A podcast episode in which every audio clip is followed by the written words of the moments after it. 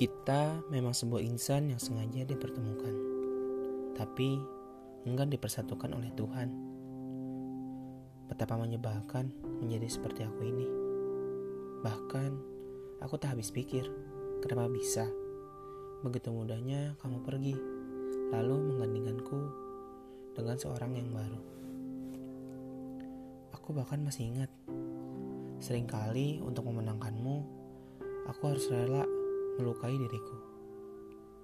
Meskipun begitu, terima kasih ya sudah bertingkah seolah kita benar-benar menjadi kita pada waktu itu.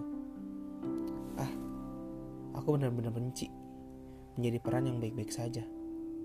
Aku benar-benar benci menjadi orang yang jika mencintai tak pernah setengah-setengah, namun berakhir disia-siakan.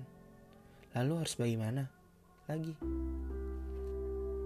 Aku sadar Aku seharusnya tak memikirkan kamu, karena bagaimanapun keras kepalaku, itu tidak akan mengubah semuanya. Kamu telah pergi, dan aku izin untuk pamit juga. Karya hilang. Pesan suara hati.